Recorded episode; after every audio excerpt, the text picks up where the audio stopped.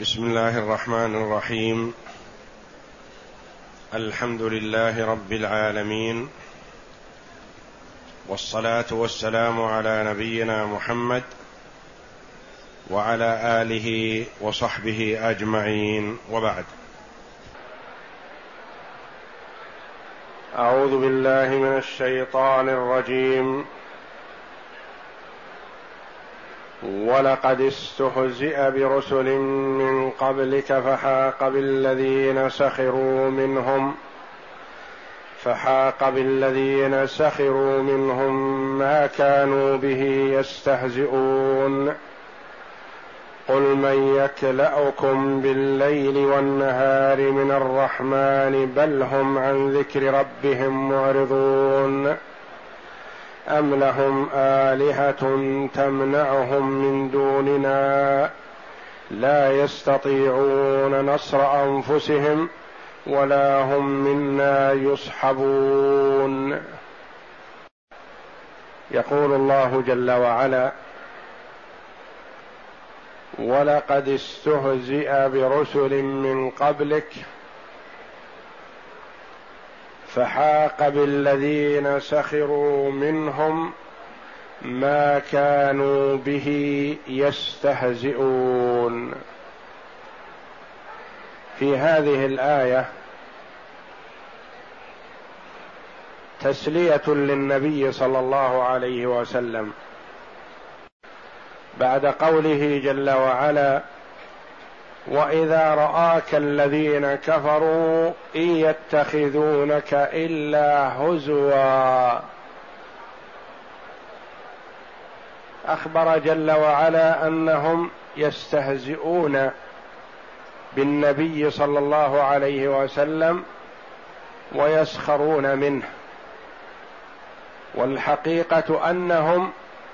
هم محل الاستهزاء والسخريه حيث اعرضوا عن الاله الحق واتجهوا الى اصنام لا تنفع ولا تضر ثم سلى نبيه محمدا صلى الله عليه وسلم بان استهزاء الكفار ليس خاصا بك بل قد سبق هؤلاء من الكفار مع الرسل السابقين نوع الاستهزاء والسخريه يقول ولقد استهزئ برسل من قبلك برسل والتنكير هنا للتكثير والله اعلم اي برسل كثير وهم مرسلون من الله جل وعلا لهدايه البشر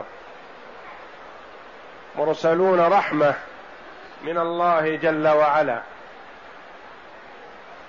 مرسلون رحمه من الله جل وعلا لعباده ومع ذلك يسخر بهم كثير من الخلق يسخرون بهم وليسوا محل سخريه لكن ماذا كانت النتيجه سخر الكفار بالرسل فماذا كانت النتيجه فحاق بالذين سخروا منهم ما كانوا به يستهزئون حاق بمعنى نزل بالساخرين جزاء سخريتهم نزل بالساخرين العذاب مقابل ما سخروا بالرسل وكانت العاقبه للرسل والذين امنوا والعاقبه للمتقين انا لننصر رسلنا والذين امنوا في الحياه الدنيا ويوم يقوم الاشهاد كتب الله لاغلبن انا ورسلي فحاق بالذين سخروا منهم ما كانوا به يستهزئون يستهزئون بالعذاب لما قالت لهم الرسل ان لم تؤمنوا اتاكم العذاب من الله قالوا لهم هاتوا العذاب استهزاء وسخريه فنزل بهم العذاب واحاط بهم جزاء سخريتهم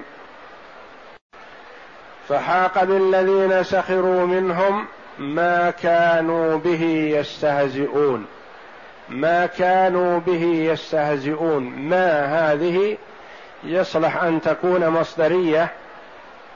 ويصح ان تكون موصوله بمعنى الذي فحاق بالذين سخروا منهم الذي كانوا يستهزئون به فحاق بالذين سخروا منهم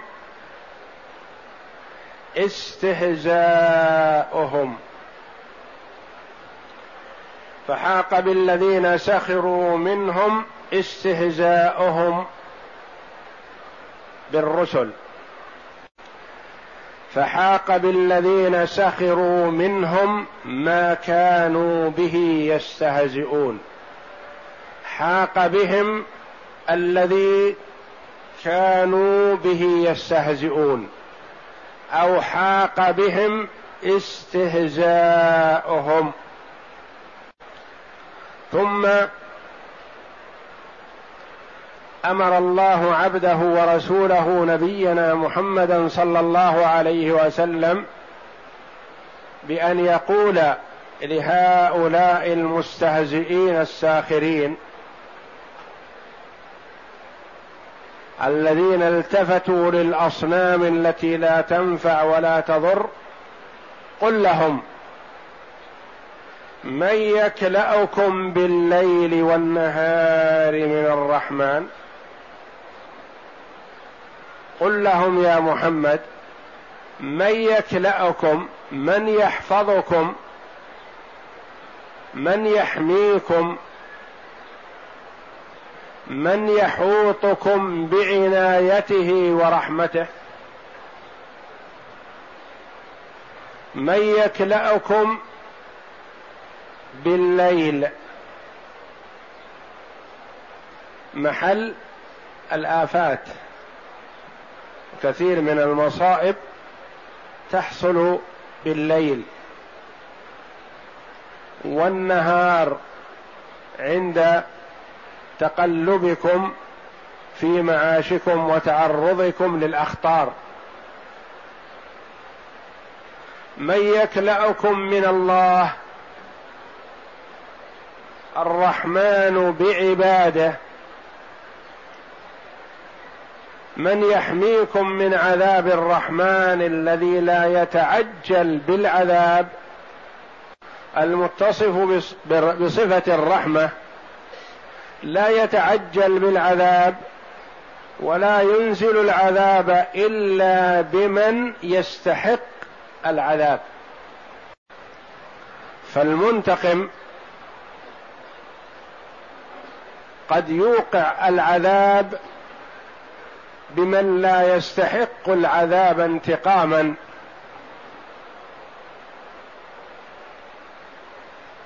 ولكن الله جل وعلا الرؤوف الرحيم بعباده لا يوقع العذاب الا بمن يستحقه فالاتيان هنا بصفه الرحمن لمعنى عظيم الرحمن الرحيم بعباده لا يتعجل بالعقوبه ولا يعاقب الا من انتهك المحارم وجاهر في ذلك ولم يبالي فهو حينئذ يستحق العذاب ولا يرحمه المتصف بالرحمه لانه تمرد وتجاوز بحيث لا يستحق شيئا من الرحمه قل من يكلاكم يحفظكم ويحميكم بالليل والنهار من عذاب الرحمن بل هم عن ذكر ربهم معرضون بل للاضراب هم يعني هؤلاء الكفار عن ذكر الله جل وعلا وعبادته واعطائه ما يستحق من العباده معرضون منصرفون لم يعيروها اي اهتمام وقال جل وعلا هنا عن ذكر ربهم ولم يقل عن ذكر الله هنا قال عن ذكر ربهم عن ذكر الذي رباهم بالنعم وتلطف لهم بذلك وادام عليهم نعمه المستمره من حين ان كانوا لطفا الى ان يموتوا فهم يتقلبون في نعم مربيهم والمتفضل عليهم فهذا منتهى الجحود ان يجحد المرء نعمه المنعم عليه المتفضل عليه ويعرض عن ذلك بل هم اي الكفار عن ذكر ربهم معرضون عن ذكر الله جل وعلا والتوجه اليه بالقلب والقالب معرضون منصرفون لم يعيروا ربهم جل وعلا اي اهتمام فما الذي حملهم على ذلك جاء الاستفهام الثاني ام لهم الهه تمنعهم من دوننا ما الذي جعلهم يعرضون عن ذكر الله الهم احد يحميهم هل الهتهم هذه التي لا تسمع ولا تبصر ولا تجلب نفعا ولا دفع ولا تدفع ضرا هل تستطيع ان تنفعهم ام لهم الهه تمنعهم من دوننا أم لهم آلهة يعبدونها تمنعهم من عذابنا هل تستطيع آلهتهم هذه أن تجلب لهم نفعا أو أن تدفع لهم ضرا لا والله أم لهم آلهة استفهام إنكار وتوبيخ أم لهم آلهة تمنعهم من دوننا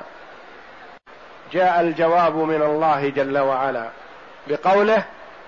لا يستطيعون نصر أنفسهم هذه الآلهة المعبودة من دون الله إذا أراد الله جل وعلا إنزال البأس والعذاب عليها هل تستطيع أن أن تنفع نفسها أن تحمي نفسها من عذاب الله بل هذه الآلهة لا تحمل نفس لا تحمي نفسها من أي حشرة من الحشرات ولا من أي مخلوق من المخلوقين لا تحمي نفسها كما ظهر ذلك وكان سبب هدايه احد الصحابه رضي الله عنهم لا اذكر اسمه الان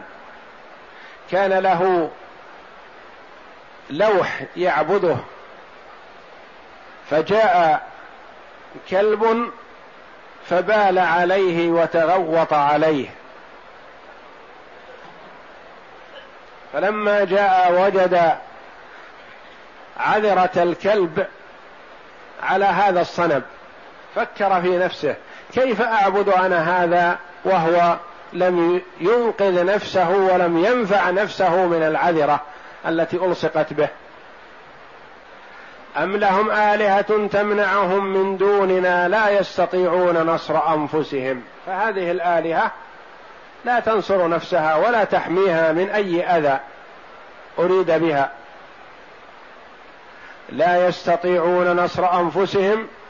ولا هم منا يسحبون ولا هم منا يمنعون ولا هم منا يسحبون يجارون لا احد يجيرهم من عذابنا ولا احد يمنعهم من عذابنا تقول العرب انا لك مجير من فلان وصاحب يعني انا اجيرك منه انا اصحبك فلا يمسك فلان بسوء قال الله جل وعلا هنا لا يستطيعون نصر انفسهم ولا هم منا يصحبون لا احد يستطيع ان يجيرهم من عذابنا فاذا كانت هذه الالهه لا تستطيع نصر نفسها ولا تستطيع ان ولا يوجد لها من يمنعها من عذاب الله فهل هي تستحق شيئا من انواع العباده لا يصرف لها شيئا من انواع العباده الا جاهل فهي لا تستطيع نصر نفسها فكيف تنصر غيرها ولا تستطيع ان تدفع العذاب عن نفسها فكيف تدفعه عن غيرها فهي عاجزه فاذا كانت كذلك افلا يليق بهم ان يتوجهوا الى الله جل وعلا القادر المتصرف المنعم المستحق للعباده الذي اذا رحم لا يستطيع احد ان ينال مرحومه بسوء واذا عذب فلا يستطيع احد ان يدفع عن هذا المعذب شيئا من امر الله فله التصرف الكامل جل وعلا وهو المستحق بالعباده فلا يليق بعاقل ان يتوجه الى من لا ينفع ولا يضر بل هو الى الضرر اقرب ويعرض عن الله جل وعلا المنعم المتفضل والله اعلم وصلى الله وسلم وبارك على عبد ورسول نبينا محمد وعلى اله وصحبه اجمعين